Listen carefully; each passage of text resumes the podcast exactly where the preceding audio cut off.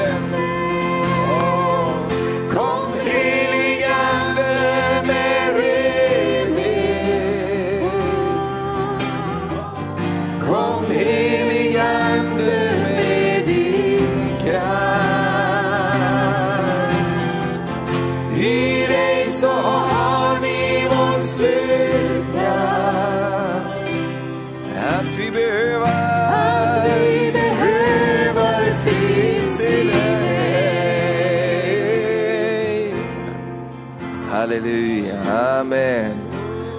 Tack Jesus, underbart, härligt. Vi kan fortsätta prisa Gud eh, länge till och det ska vi kanske göra också. Men, men jag ska predika ett ord för dig först och sen ska vi fortsätta i den här atmosfären och bedja för människor och, och bedja för dig om du behöver det. Amen. Sätt dig ner och välsigna någon medan du sätter dig. Amen. Härligt. Jag har sett fram emot den här veckan tillsammans med er och eh, jag tror att eh, Gud har så mycket för oss alla. Det finns saker och ting som Gud inte kan leverera förrän vi är på plats. Eh, om Gud har ett, en hälsning eller ett meddelande till någon så måste ju den personen vara på plats. Och eh, nu talar jag inte i första hand om att vara på plats här i kyrkan, utan eh, vara på plats i sitt liv när Gud ska eh, nå in med någonting ifrån Herren. Och, och så är det ju med, med oss var och en att det, eh, det, det handlar om det här att hamna rätt. Liksom. Eh, och, och, det gäller både dig individuellt, personligt, att du liksom kommer rätt på plats där välsignelsen kan möta dig. Och sen gäller det oss allihop att vi kommer rätt. Va? Eh, och det enda sättet för oss att liksom på något sätt eh, hamna där, det är att vi måste söka oss till Herren. Va? För då, då kommer vi rätt. Amen. Så den här veckan den, den handlar mycket om det. Den handlar om eh, att gå på djupet. Och, eh, och, nu, vi, nu kan jag ju din sort va. Du är ju människa, precis som jag. Och det, och det är ju så, vi är så duktiga vi människor på olika grejer. Vi har ju utvecklat vissa tekniker för att på, på något sätt undvika Gud. Va? Vi har lärt oss de grejerna. Men Gud, eh, han undviker aldrig oss.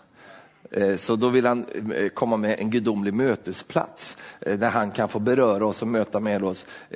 Kanske på områden som vi själva inte hade tänkt, men som han hela tiden hade planerat. Och det är därför så många gånger vägen fram till Gud börjar med att jag har ett behov. Men vad vi då inte inser det är att också Gud har ett behov.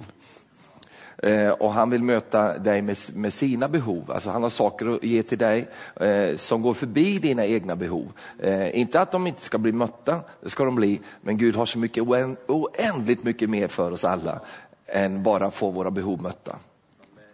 Amen, halleluja. Men det är en fin utgångspunkt att komma för att få sitt behov mött. Det är en bra början, för då är Gud där och väntar på dig. Eh, och så vill han göra någonting ytterligare i ditt och mitt liv. Så det är underbart att vara här. Jag har ju sådana här mötesserier nu, så att jag, jag är jätteglad för det. Och det blir fler och fler och, och fler församlingar som hoppar på och så vidare. Vi håller på att återerövra någonting och det är det som, som har lite gått förlorat i kristenheten. Det är just sådana här serier. Eh, och då kan du tänka så här, men det är en lång serie, en hel vecka med möten. Ja, ja, det är bara preludiet. Vi kommer att ha månader tillsammans. Halleluja. Eh, när det bryter igenom och står i väckelse, då, då kommer vi få se att, att det, det liksom tar inte slut, utan det bara fortsätter och vattnet bara liksom stiger och, och människor blir välsignade. Men, men någon måste gå före med det andliga bräckjärnet och, och bryta i saker och bända i saker och bara inse detta att det finns vatten här. Va? Isak hittade en brunn som man inte tvistade om. Han visste att det fanns en brunn här, för hans pappa hade grävt den brunnen. Eh, och eh, så får vi tänka också att det finns brunnar som de som har gått före oss har etablerat. Sen kan fiender ha slängt igen de där brunnarna med allt möjligt bröte och då får vi nåd att kunna gräva fram dem där igen. Och det är bara ett ord som används då när vi ska göra det och det är arbete. Så välkommen till en härlig arbetsvecka här nu tillsammans. Nu ska vi kavla upp våra armar och nu ska vi jobba. Halleluja, amen. Lite väckelsemöten, det är jobbiga möten. Oj, det är jobbiga på många sätt, men de är härliga, halleluja. Och är man gjord för det så blir det desto härligare. Amen. Eh, jag vill läsa ett ord här för dig ikväll och så ska vi börja där. Eh, I Johannes evangelium kapitel 11, vers 39. Så har vi ett ord där som jag vill använda som en utgångspunkt ikväll. Sen så kommer ju Marie in på, till helgen också, det blir jättekul för att det är så tråkigt att vara här själv. Eh, så kommer hon in och bara räddar mig. Och när du har hört henne så kommer du inte tycka om mig längre, det är alltid så. Va? Men jag gillar hon lite så, men sen när Marie kommer med sina grejer, va, då ingen pratar om mig sen. Va? Så, så, så får det vara. Men i vers 39 så säger Jesus någonting härligt här. Han säger så här, tag bort stenen. Det är min text ikväll. Ta bort stenen. Du som kan din bibel, du, du vet vad det här står för. Du vet att det här är väldigt dramatiskt. Det här är väldigt annorlunda också. Det här är utmanande på många olika sätt, det Jesus just nu säger. Och eh, eh, Marta som är syster eh, till han som är bakom stenen, eh, hon får problem. Det här är radikalt. Det här är inte alls vanligt. Eh, och eh, du som inte kan din bibel, låt mig ge dig en bakgrund. Eh, det här är en berättelse om en kille som blev sjuk.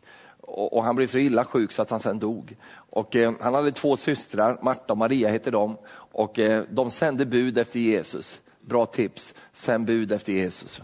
När det går illa för dig, sänd ett bud till Jesus. Va? Och Jesus kommer och svarar. Och han svarade också där på en gång och han sa, jag kommer. Så. Jag kommer komma. Eh, och eh, nu tyckte ju då systrarna att han kom lite väl sent efter att eh, det gick från dåligt till värre. Det gick från värre till katastrof och det gick från liv till död. Och nu dog den här killen. Men han hade en relation till Jesus som var väldigt speciell. Därför att det står att han var Jesu vän. Och då ska du veta det att du är också Jesu vän. Du kanske inte ser dig själv som en, på det sättet en nära vän till Jesus, men, men han ser sig själv som en nära vän till dig. Han vill vara din vän och han är din vän. Så att då kopplade han på ett annat sätt med, eh, med de här eh, syskontrion än vad man gör om man bara är bekant. Va? Eh, eller kompis eller lite någon du träffar på stan. Jesus är ingen sån, han, han har aldrig varit intresserad av att vara en sån ytlig bekantskap till oss. Utan han vill bli vår vän. Och det är så han relaterar till oss. Vad gör vänner? Riktiga vänner, de är där när det blir problem i våra liv. De är där när det är glädje, de är där när det är sorg. De, de, eh, de, de, de sviker inte utan de eh, har en, en annan typ av koppling in i våra liv. Och därför så uppskattar vi våra vänner.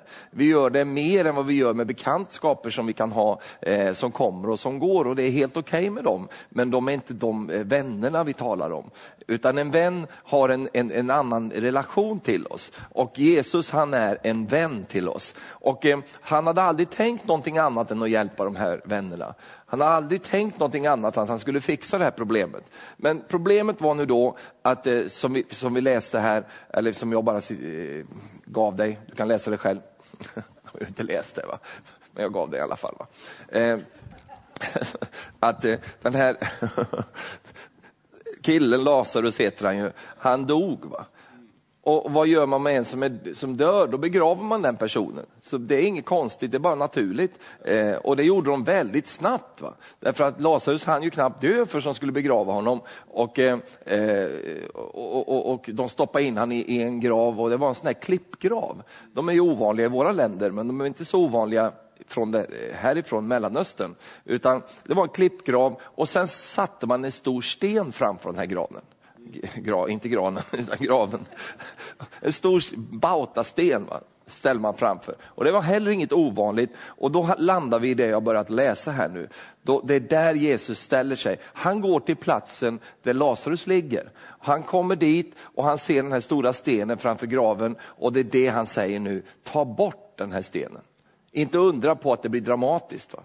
Därför att det gör man inte på, på gravplatser, man gör inte det. Det är, det är, liksom, det är, det är ju ett sätt att skända en grav och göra på det sättet. Man gör inte så eh, om man inte heter Jesus. Va? Eh, därför att Jesus han har en fortsättning.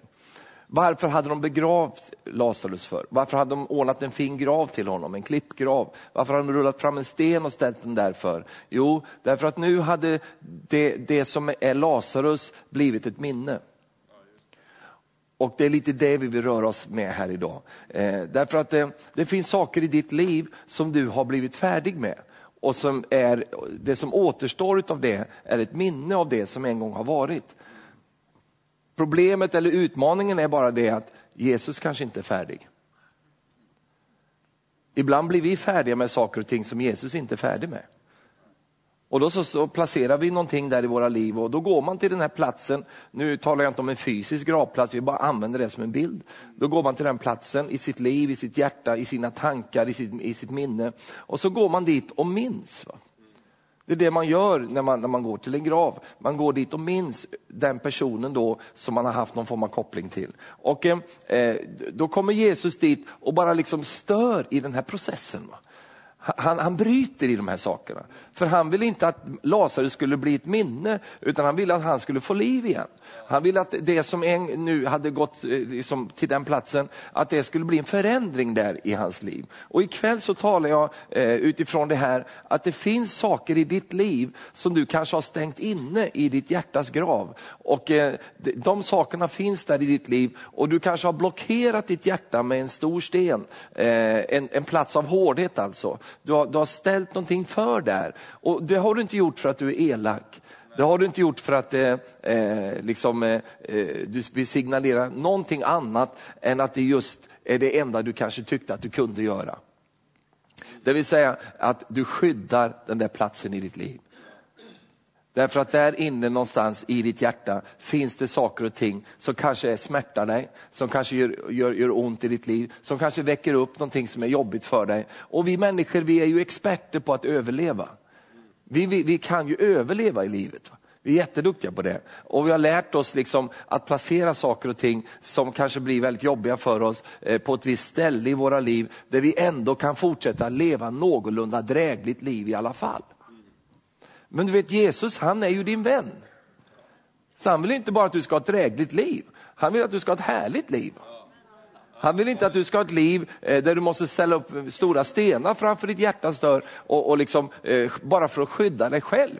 Utan Jesus vill, han vill nå in i ditt hjärta och han vill göra någonting i ditt liv och det är därför vi har en sån här vecka bland annat. Eh, och, det är därför också det är en viss utmaning, därför att Jesus utmanar på områden som vi kanske inte utmanar varandra på. Jesus är ju sån där som säger flytta bort sten-Jesus. Flytta bort den där stenen. Och då måste du förstå att det var inte helt lätt, i den, inte i den här situationen och det är heller inte kanske helt lätt för dig. Därför att du har ägnat mycket energi åt att ställa dit en sån där sten framför ditt hjärta. Och eh, eh, du, du har precis blivit färdig med det här nu och du någorlunda kan handskas med det här i ditt liv. Och så kommer Jesus och stör det här. Och det är därför jag sa väckelsemöten är jobbiga möten. Det är inte lätta möten. Därför att då kommer Jesus att göra någonting. Han vill gå på djupet. Hur djupt vill han gå? Han vill komma in i hjärteroten. Han vill in där i hjärtat, där varifrån ditt liv utgår. Det är därför vi brukar kalla Jesus för en hjärte-Jesus. Det kanske vi inte brukar kalla, men jag gjorde det just nu. Han är en, hjärta, en, hjärt, en hjärtlig person. Han är en person som vill ha en hjärtekontakt med oss. Han vill vara en person som når in där inne i hjärteroten, där inne där ditt liv utgår ifrån. Och det är därför som just de här lite kanske ytliga sakerna, de här sakerna som vi kan kosta på oss eh, att liksom leva med när det gäller liksom eh, andra sidor i våra liv, det är inte Jesus jätteintresserad av. För han vill åt de sakerna i ditt liv som är med och skapar ditt liv.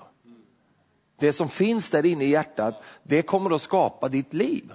Och därför så vill Jesus åt de där sakerna i ditt liv. Och då så kanske du säger precis som Marta sa här. Jesus, Jesus sa, eller Marta sa så här, för han säger rulla undan den här stenen. Sen säger Marta, herre han luktar redan. Det är ju fjärde dagen. Alltså det var hennes första tanke. Han luktar. Och, och det gör du med. Jag kände den gick förbi dig. Alla människor har en lukt. Alla människor har en doft. Och nu talar jag inte om din rent kroppsliga doft här, för den kan vi ta ett annat möte.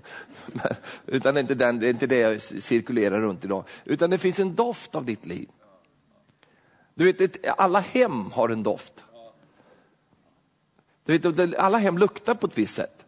Och varför har, har just ditt hem den doften den har? Jo, det är ju för att ni bor där. Det är ju den typen av luktgranar ni är. Va? Doftgranar, ni luktar på det sättet. Och, och, varför luktar ni på det sättet? Jo, det är ju bland annat därför att ni äter den mat som ni äter. Den där eländiga vitlöken som du stoppar i dig hela tiden. Det är inte undra på att det luktar som det gör. Vi har ett område i Jönköping som heter Råslätt och, och, och ni kanske har liknande områden här. Det bor väldigt mycket eh, icke, alltså, som inte är ursprungliga svenskar utan de kommer ifrån andra länder. Och du vet, det luktar vitlök något så fruktansvärt. Man kan, inte, man kan knappt gå där. Vet. Man blir ju hela direkt vet, från alla förkylningar. Va? Det, det, det är sån vitlöksdoft. Va? Därför att eh, eh, man gillar den typen av mat och, och, så vidare. Och Det finns en mängd andra saker som gör att det blir den där doften i ett visst hem. Och, och den där doften den, den, finns ju där, om du flytt, byter lägenhet så kommer du in i en doft från de andra som har varit där. Så tar det lite tid att byta doft. Eh, och alla människor har en egen doft, det har du också. Och, och, Det finns en doft som Jesus är väldigt bra på att etablera och den kallas för väldoft. Va? Det luktar gott runt Jesus. Va? Vet du varför en väldoft runt Jesus? Därför att han har liv. Han lever. Och eh, nu, nu är Marta väldigt bekymrad här därför att hon inser att eh, eh, Lazarus har ju börjat ruttna här. Och den doften är inte speciellt god alls, utan den doften är, är, är liksom otäckt. Och det var hennes reflektion över det här, Det var det som var det jobbigaste för henne. Det var att det luktar om honom. Jag tror inte Lazarus hade de problemen. Han var ju död. Va? Han låg ju inte för oh, vad väldigt vad det luktar här. Liksom. Utan, det var inte han som hade problemet, utan det var ju en, en, en, liksom en andra part här. Som hade problem med, med någon som inte ens visste om att det var ett problem. Och så tänker hon så här, om det här öppnas nu så kommer den här doften rakt ut här. Va? Det var jobbigt. Och då, då lyfter vi in dig i den här tanken ikväll, att det finns en doft från dig också.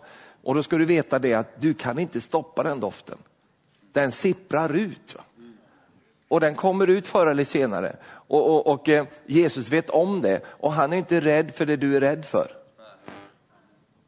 Han tycker inte det är otäckt, det som du tycker är otäckt, utan han vill bara hjälpa. Va? Och han, han, är så underbar på att hjälpa och då går han till roten när han ska hjälpa. Alltså han går inte för att pynta utsidan av ditt liv, utan han kommer till roten av ditt liv och det ligger in i hjärtat. Och det är dit han måste få nå. Och då har han en, en väg fram dit, bland annat, det kanske ligger en stor sten framför det här. Och, och då måste liksom den väck. Och när den kommer väck, då kanske det kommer ut lite olika saker där som inte är så trevliga i våra liv. Och människor ägnar väldigt mycket energi åt att dölja det som eh, har ett negativt liv hos dem om man försöker städa undan det, göra det snyggare och så vidare och så får man en, ett, ett fasadliv, att man snyggar till fasaderna. Men, men vad hjälper det om det ligger någonting som är dött där inne och bara liksom sprider sin doft? Och då, alltså, där har du definitionen på präktighet. Det är att man snyggar upp utsidan istället för att eh, göra någonting åt, åt själva hjärtat. Och Jesus vet allt det där. Och han vet att det här blir ingen lösning på det här förrän jag får handskas med det som ligger där inne. Amen. Och då, då, då, översätter vi det här på det här sättet ikväll, att det finns saker i... Får jag komma ner här? Jag tackar er. Jag går ner. Jesus han löser det på det sättet att han utmanar det här. Och han säger, flytta undan den här stenen nu. Och vi översätter det på det sättet ikväll, att det finns saker i ditt och mitt liv som ligger där inne. Var ligger det någonstans? Det ligger in i hjärtat. Och då vet du, du, du, ditt hjärta innehåller en mängd saker. Jag talar inte om det fysiska hjärtat utan ditt, ditt inre liv där inne. Där du kanske inte har liksom, eh, öppnat dig för någon människa. Du kanske har, har liksom dolda rum där inne som, som du inte vill eh, eh släppa fram till någon. Och, och de du släpper fram något ytterligare för, det är de där som du har förtroende för. Det är de du har tillit till. De som du litar på. Din man förhoppningsvis, eller din fru. Eh, din mamma, din pappa pappa, de som är, eh, eller dina barn, de som du har nära dig och, och, och eh, de vågar du släppa lite närmare in på livet. Va? Och så vågar du sätta dörren på glänt och de kan få titta in där. Men även i de relationerna så kan det finnas saker i våra liv som ingen vet om. Men det finns en som vet om det och det är Jesus. Han vet om vad som ligger där inne. Du säger, men om det kommer fram i mitt liv, om det kommer ut, eh, det jag har där i mitt, i mitt liv, då, då, då, då, det blir ju en lukt överallt. Men då är min älskade vän, doften är redan upptäckt. Ja, säger du. Den är redan upptäckt. Ja, så. ja men det är sant. Va? Det är jättebra. För det är så här att när man lever så nära en sak i sitt liv så är det så att man kanske inte eh, riktigt är medveten om att andra har uppfattat doften. De känner doften. Vi gör allt vi kan för att hålla den inne, men andra känner doften. De känner att det är någonting där som, vad, vad är det som kommer med den här personen? Inte vad han säger eller hon säger, inte eh, sättet han eller hon agerar på alltid, utan det kommer någonting med. Va? Och är det inte en väldoft, då har Jesus ett arbete att utföra. Och det är det arbetet han vill utföra. Halleluja. Han vill att det ska lukta gott om oss. Har du märkt en sak att när du är välparfymerad och du går förbi någon, eh, jag brukar få den kommentaren när jag är hemma hos folk, för jag gillar att eh, spraya på mig mycket. Ja, men jag tycker bara om det, det är, man får göra det. Eh, jag gillar det. va. Och inte sån här raggardusch, sån här diesel, sån här diesel man häller på sig. Eh, utan så, då brukar jag få kommentaren, vi vet att du har varit här. Va? Det luktar i rummet här inne, eller i sängkläderna, allting luktar här. Va? Har, din, vi kan din parfym, va? vi vet att du har varit här. Eh, och, så. Och, och, Det är bara för att beskriva att doften dröjer kvar. Va? Så när någon går någonstans så, så, så liksom dröjer doften kvar. Vad är det för doft som dröjer kvar? Vad, vad, vad är det som liksom, eh, vad, vad, blir liksom eftermälet? Vad, vad, blir det som står kvar i våra liv när vi har varit någonstans? Då är det en, en, en slags doft, det eh, kan vara en väldoft, det kan också vara en annan doft. Och all annan doft än väldoften, den vill Herren hjälpa oss med. För han vill skapa en väldoft ut i våra liv. Och hur ska han kunna göra det? Jo, han måste göra någonting åt det som är dött i mitt liv. Om det ligger en död dröm där på insidan i ditt hjärta, så luktar den. Du tänkte att den, är, den existerar inte. Jo, den existerar, det är bara att den är död. Och då har han väldigt svårt att göra någonting. Jag vet inte hur det är med, med din eh, döda grejer du har, liksom en gammal kanin som dog för 30 år sedan. Den, den kan ju inte göra någonting. Utan det, det, som får bli kvar då, det är ett minne av den här, den här grejen. Och en del går med sina drömmar som de minns. De minns sina visioner, de minns de där sakerna som, som liksom hände i deras liv, gick igång med några grejer sådär. Och sen så på något sätt så dog det där i deras liv. Och så, så, så går de dit, om du förstår bilden fullt ut här, till den här platsen och minns. Va? Och lever i de där minnena. Och Gud vill inte återuppväcka minnena i ditt liv, för de har du redan. Han vill återuppväcka livet i det som du lever med som minne. Jag hör mig själv säga bra grejer här. Alltså. Och där, där vill Herren vara med och göra underbara saker. Och då är det så här att nu är jag är inne på känsliga områden här nu i ditt och mitt liv. Det, det här är känsligt. Så, så, fort det handlar om hjärtat så, så blir det känsligt.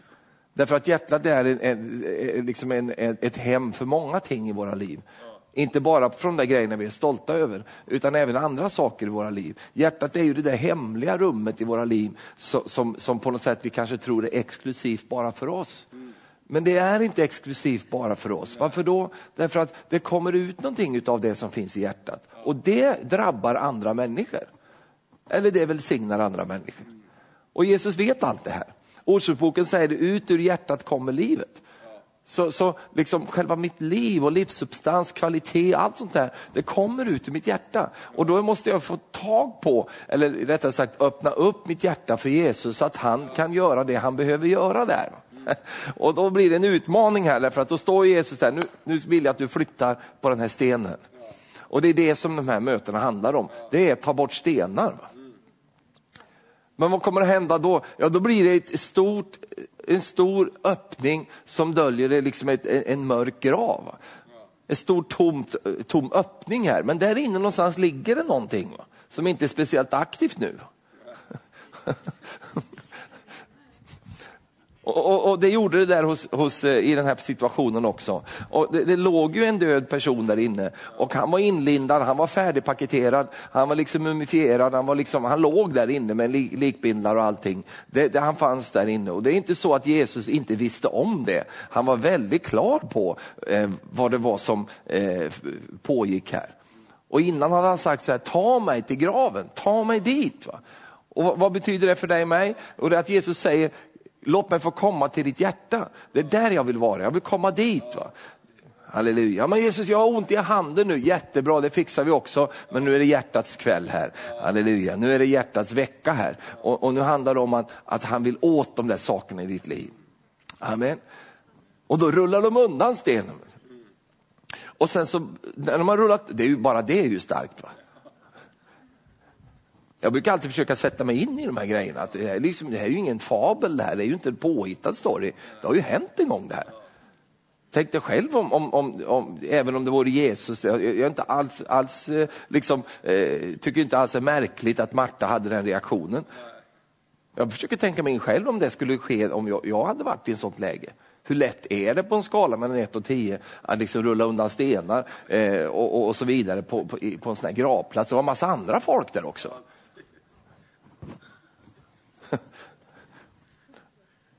Jag tror att det, alltså, om Jesus hade levt idag så hade vi knappt bjudit in honom på våra begravningar. Alltså. Han ställer till det, vet du. Så, men, så, det är just, så gör de det, de rullar undan den stenen där. Vilket förtroende de hade för honom. Har du samma förtroende för honom? Vågar du flytta undan den där platsen av hårdhet som du har för ditt hjärtas dörr? Eller ditt hjärtas öppning? Att du inte vill liksom, nej jag gör inte det. Du kanske har samma reaktion som Marta. Fy vad pinsamt. Tänk om det här kommer ut. Han luktar ju. Det här luktar ju mitt liv. Var glad över nu att du förstår att det är alla, alla har redan fattat det, speciellt han som du lever med. Eller hon som du lever med. Hon tycker du stinker jämt. Hon säger, kan du inte tvätta det snart? Men det var inte den lukten vi pratade om idag. Det kanske vi borde göra. Nej.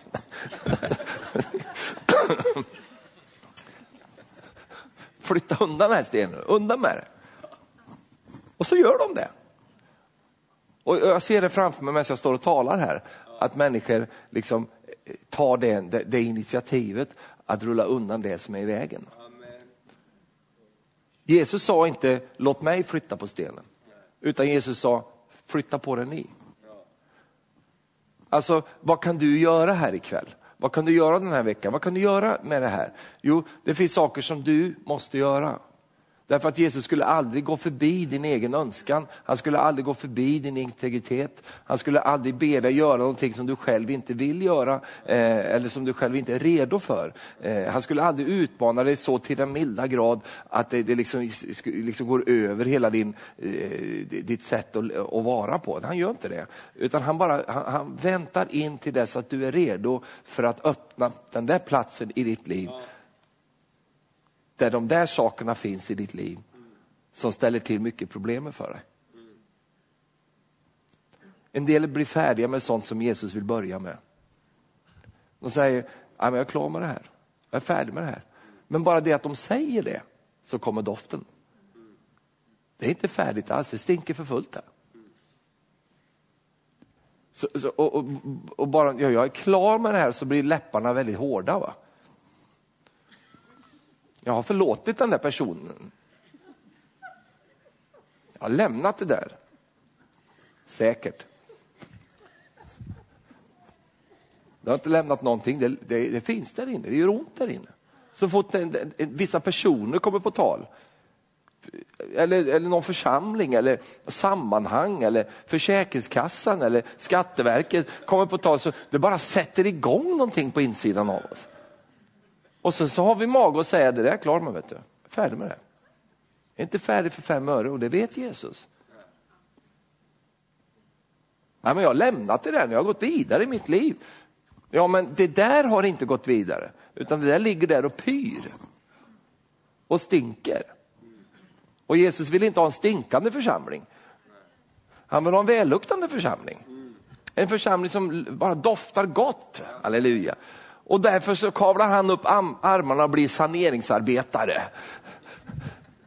Jag tycker han är fantastisk den är Jesus. Va? Att han vill in där, där det stinker. Va? Han vill in där, där det är liksom, åh. Där vill han in i ditt liv, i ditt hjärta. Halleluja. Där du kanske skammar eller skäms över själv. Tycker det är så pinsamt. Så, oh. För det finns ju egentligen eh, ja, olika sidor av det här. Den ena är ju saker och ting som du själv har satt dig i. Saker och ting som du, du är författaren till det problemet i ditt liv. Och de sakerna kan vi skämmas över något så fruktansvärt. Därför att det blir en repa i präktighetens lack. Va? Och det står där som en ful blämma där. Va? Och vi skäms över det här. Va? Och du vet att det finns människor, de, de, de, de kan lägga ner en förmögenhet på att vitkalka. Va? Att måla vitt. Att liksom spraya ny färg på rosten hela tiden. Va? De kan lägga ner förmögenhet så att ingen ser det här. Va? Och sen finns det ju saker som andra kan ha gjort emot dig som, som har skadat dig på något sätt, som, som, som liksom, eh, Eh, eh, tynger dig och är jobbigt där i ditt liv som du försöker handskas med. Sen finns det en tredje sak och det är ju att själva livet har brottat ner dig. Du råkade leva va? Det är ju, det är ju, alltså, det är ju betingat med dödsfara att leva va?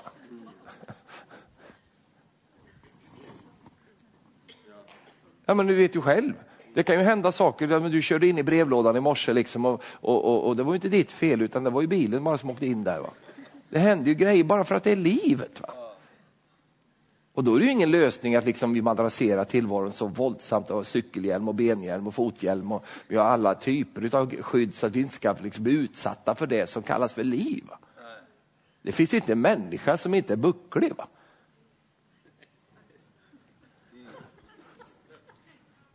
Om du tänkte att du, liksom livet skulle, att du skulle åka genom livet utan att bli bucklig. Det går inte. Och en del är ju buckligare än andra. va? För du kör ju genom livet så fort. va? Du kör ju på folk hela tiden och håller på så. Du är, du är bucklig hela du. Va?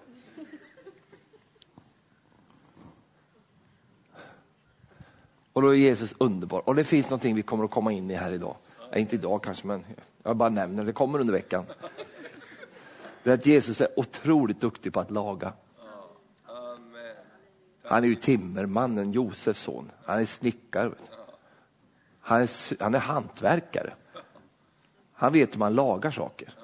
Och när vi talar om hjärtat, och vi kommer att beröra det här på lite olika sätt, så är det så att Jesus vill laga saker och ting också. Vi lever ju i en tid då man inte lagar. Man köper nytt. Va? Vi lever i ett konsumtionssamhälle. Hela idén av konsumtionssamhälle går ut på att släng och köp. Va? Köp och släng. Va? Och jag läste en så fin sak om ett äkta par som hade varit gifta i, i över 50 år. Va? Och de frågade hur har ni lyckats med detta? Kunna vara gifta i 50 år. I, I, en tid då alla verkar skilja sig efter tre veckor. Var gifta i 50 år. Och då säger den här mannen där, så här, ja vi växte upp i en tid då man fick lära sig att laga det som gick sönder. Bara där kan vi ha möte va? Jag, jag råkade ut för en grej med min, med min eh, bil här för, ett, eh, för det var ett, två år sedan tror jag. Ett, eh, ja, tiden går så fort, man förtränger saker. Och det var min dotter som var ute och körde och så körde hon in i, eller det var någon som körde in i henne. Och så bägge sidodörrarna liksom blev sönderbucklade. Ja. Och sen så var jag ute också och körde va, med samma bil lite senare och tror inte att jag också, det var lite, jag var lite glad på kvällen där. Och, så jag sladdade till och smackade rakt in i någonting också. Så de andra dörrarna på andra sidan också bucklade sönder. Så två, fyra dörrar sönderbucklade. Så jag kommer till, till eh, verkstaden och så, ja jag har ett problem här. Så, tänkte, så går han ut och tittar på mig. Ja, men det, ska vi, det löser vi, vi byter det här. Va? Ja, det är lite mer också, så. på andra sidan också. Så. Så gick han runt och tittade. Då sa han, hur har du lyckats med det här? Va? Men då sa han en sak som har förföljt mig. Han sa så här, för han sa, det här blir ju rätt dyrt, sa han, för vi måste sätta in nya dörrar, köpa nya dörrar och sätta in här. Va? Ja, men kan du inte, kan du inte buckla ut dem då? Så. och löda lite. Så. Vi har ju växt upp när man löder med tänd och plastic padding och allting. Allt, man slänger in allt man hade där. Liksom.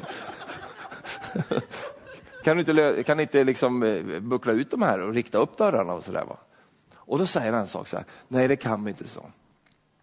Vi har inte den kunskapen längre. Så.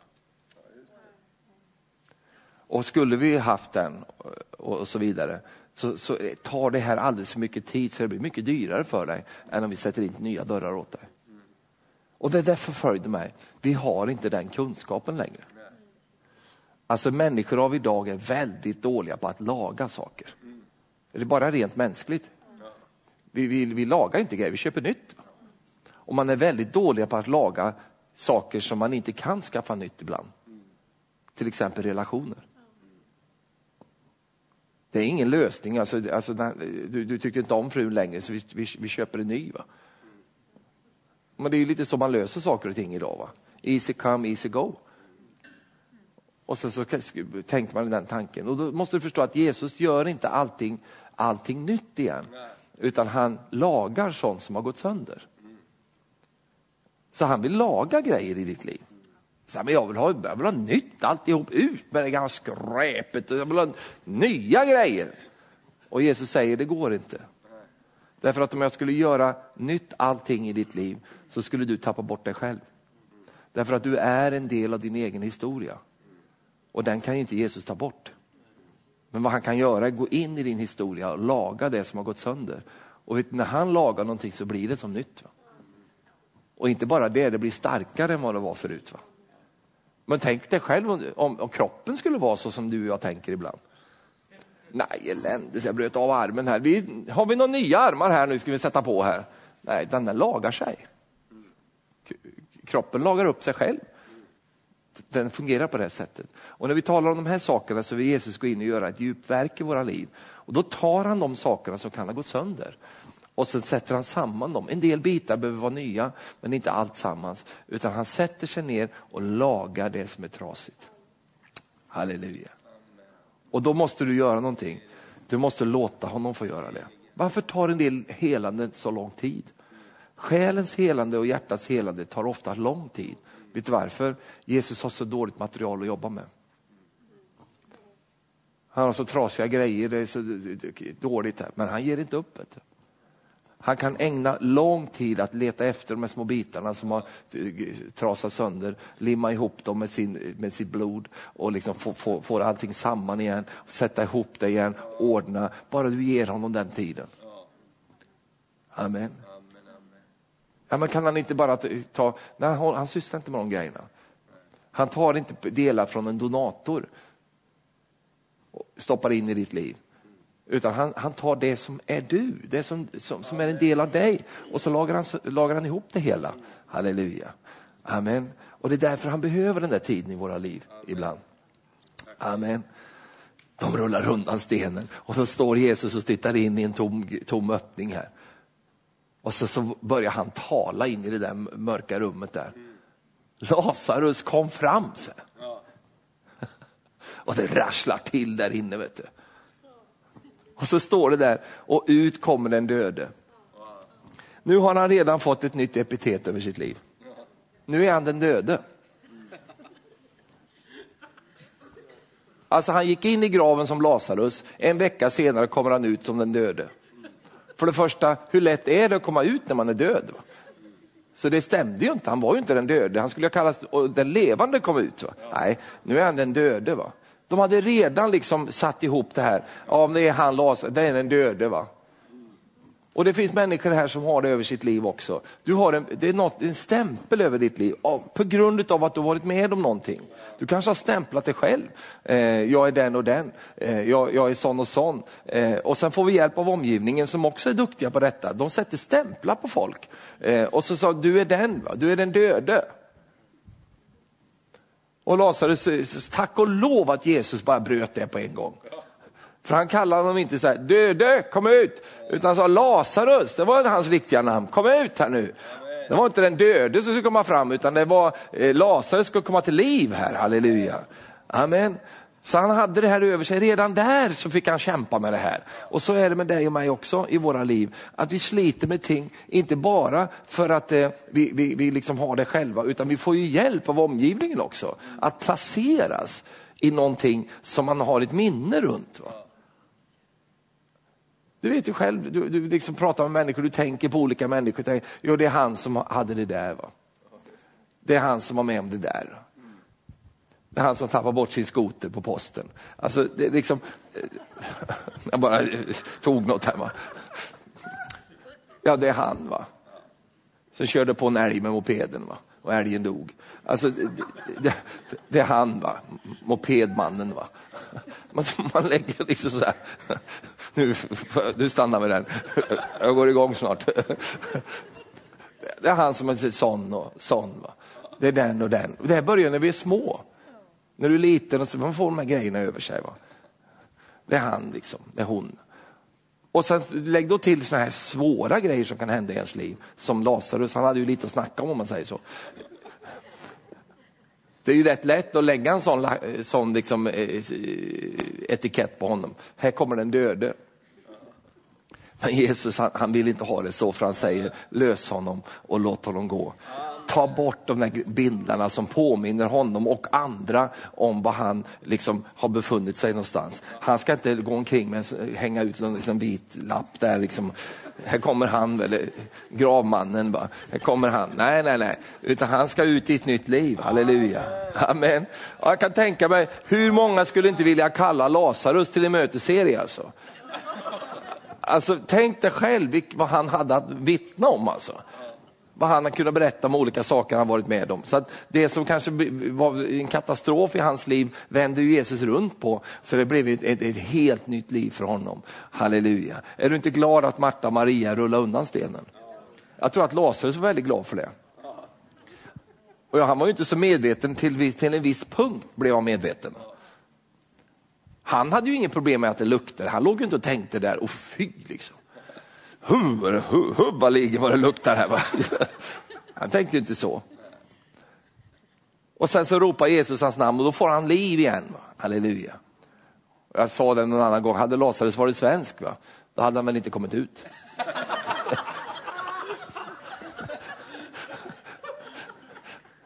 Det var väldigt vad folk det var här ute. Usch, vilka kläder jag har på mig, liksom. vad hemskt. Nej, jag tror inte det. Jag, jag, jag jag väntar lite, va. vänta tills solen går ner, va. det mörknar på lite. Jag smyger ut lite senare. sen. Finns det någon annan väg här kanske? Man kan gå bakvägen. Usch vad pinsamt att gå ut med gravkläder. Tänkte inte Lazarus på. Han var glad att han levde han. Vet du. Där, och det tror jag finns en, en del av det, det vi lyfter fram idag. Det är ju den här, den här, den här skämselfaktorn. Va? Att vi skäms så lätt över grejer. Va? Vi, och en del borde ju skämmas, va? Men, men det är inte de jag talar till ikväll. Utan det, det är liksom, man, man skäms över olika ting och så vidare. Eh, därför att eh, samhället och, och liksom miljön kan vara på ett sånt sätt att vi, vi, vi, vi har grejer runt omkring oss som, så fy, liksom, det är pinsamt. Va? Gå ut här med gravkläder på sig. Usch, det gör jag inte, jag stannar här inne. Men Lazarus var inte svensk, så han kom ju ut. Va? Så står han, ja, man finner ett fel i bilden. Va? står en kille här. va. Och Jesus ser ju hans dilemma. Han är levande men dock, han behöver ju ha andra kläder på sig, han kan ju inte stå så här. va. Befria honom, låt honom gå. När jag, när jag tänker på att be för den här veckan så tänker jag det här är en sån vecka. Nu har jag bara lagt eh, liksom en, en, en, en, grundtanke om det här att liksom, du kanske har kommit ut, va? du kanske har blivit levande, jo med Herren, men det är fortfarande sådana grejer som binder dig till, till händelserna som du har varit i. Va? Och då har ju Herren ett verk där. Sen finns det ju de som, du, du, du, liksom, du, du, du, du har inte öppnat upp det där i ditt liv, för det är så känsligt. Och det är känsligt också, det är helt okej okay att det är känsligt, men du måste ändå flytta på stenen. Och det är inte vem som helst som står där utanför och vill göra någonting i ditt liv. Det är ju inte liksom eh, någon, någon, någon, någon som vill åt dig och göra dig illa på något sätt. Utan det är ju han som vill hjälpa dig. Det är han som vill göra det. Och därför är det så skönt i de här mötena vi har, att nu går vi fram inför Gud fram inför Jesus. Vi håller inte på liksom på ett mänskligt sätt i det här. Herren känner det, det som finns i ditt, i ditt liv. Han vet vad det är du satt och, suttit och tänkt på under mötet här. Han vet ju de sakerna. Och nu aktualiserar han det i ditt liv och så säger han, låt mig få handskas med det där. Låt mig få tala liv i det som har, har dött i ditt liv. Låt mig få liksom, lösa dig från det som plågar dig och minnen från saker och ting som du har varit med om. Låt mig få göra det verket i ditt liv. Halleluja. Och det vill han göra. Amen. Prisat vare Gud. Amen. Ska, ska vi stå upp tillsammans och lovsångerna kommer.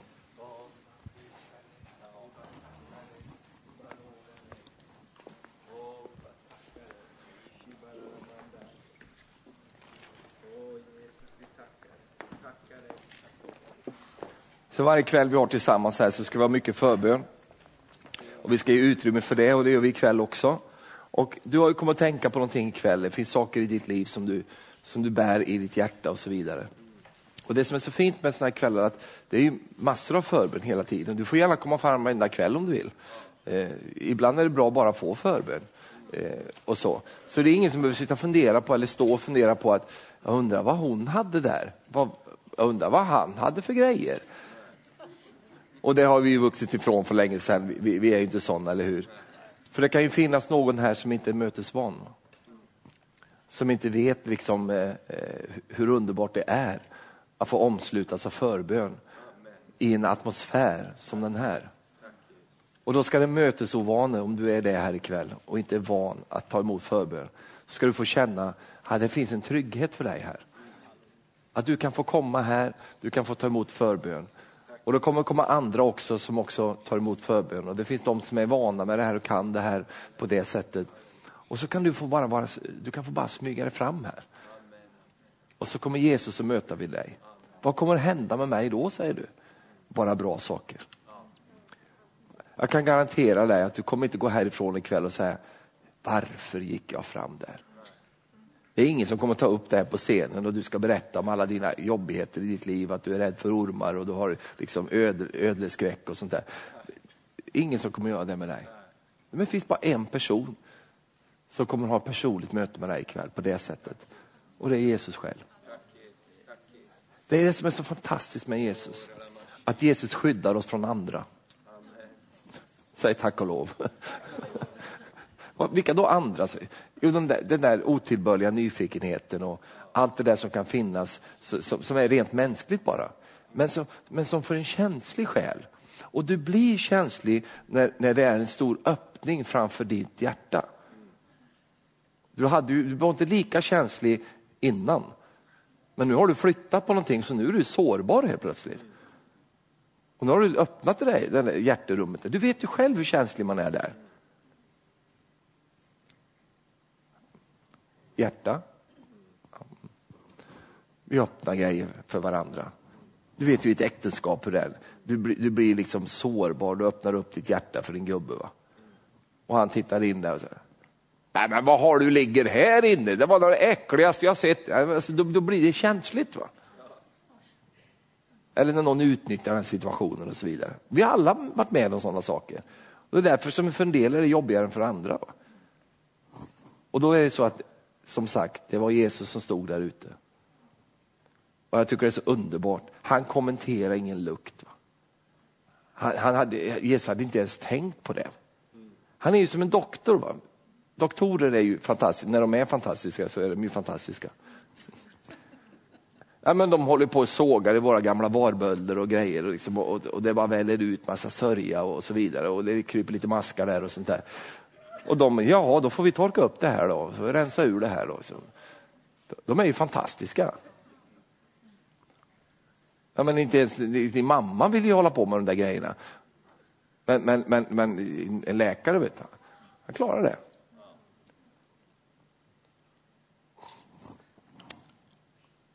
Jag vet en, en, en kompis med mig som hade, han hade fått en böld av något slag. Va? Så gick han till läkaren och sa, läkaren, det var det värsta jag sett. Så drog han upp en kamera, kan jag få ta kort på det här? Det här, måste vi, det här är ju otroligt, jag har aldrig sett något så otäckt i hela mitt liv. Så började han fotografera det. Tror du den killen gick tillbaka till den doktorn? Det finns en del som har varit på sådana möten också. Och då blir det lite svårare att rulla undan stenar. Va? jag, tror jag, jag tror jag väntar med det. Va? Och det är viktigt att säga, man öppnar inte sitt hjärta för vem som helst. Gör inte det. Och vi blir onödigt sårade när vi, när vi gör det. För det är inte alla som har den höjden i sitt liv att de kan handskas med det. Men det finns en som alltid kan handskas med det. Och det är han som kan skapa liv i det som har gått förlorat i våra liv. Det är han som kan läka det som blir trasigt. Det är han som kan liksom komma med sin olja där, där det har blivit liksom eh, knastrigt och, och torrt. Va? Det, är han, det är han som har alla grejerna för att fixa sånt. Han är ju vår hjärtspecialist. Va? Och han kan göra de här undrena och det vill han göra här ikväll. Han vill börja här ikväll med de tingen. Halleluja. Så vi kommer till dig Jesus ikväll. Vi tackar dig för att vi får nåd att bara sträcka oss till dig Herre. Vi ber dig Gud att du bara ska röra vid våra liv Herre. Möta med oss där vi är just nu Herre. Tackar dig Jesus för att du alltid börjar med hjärtat Herre. Du börjar där i hjärteroten Herre, där, där saker och ting har spirat fram till någon form av liv Herre. Och ibland kan det vara ett sånt liv vi inte tycker om, och som inte trivs med, som inte du heller trivs med. Och då tackar vi dig för att du kommer med, med ett nytt liv ikväll Herre. Du kommer med en, med en ny ande Herre, en ny anda i våra liv Herre. Tackar dig för att du också kan eh, reparera och laga saker som går sönder Herre. Att du sätter dig ner i våra liv Herre, samlar ihop bitarna Herre. Ta saker från det som har varit Herre, ta saker från det som är just nu Herre. Och så bara sätter du samman saker och ting Herre och lagar det på ditt underbara sätt Herre. Tack för att du vill göra det Herre. Vi ber för den här veckan Herre, vi ber att eh, relationer ska bli lagade Herre. Saker som, är, som knakar i fogarna Herre. Jesus, du bara, du har det limmet som kommer från himmelen Herre, som kan sätta ihop saker Herre. Prisa dig för det Herre. Lovat vare ditt namn Herre. Fader, vi ber för någon Herre som kanske känner, kan Herren laga det här? Det här är ju helt söndertrasat i mitt liv. Det har ju helt gått sönder fullständigt. Tack Jesus för att du skapar hopp och tro till en sådan här. Prisar och lovar dig för det Jesus. Halleluja. Stora hundar stor, ingen annan är som du.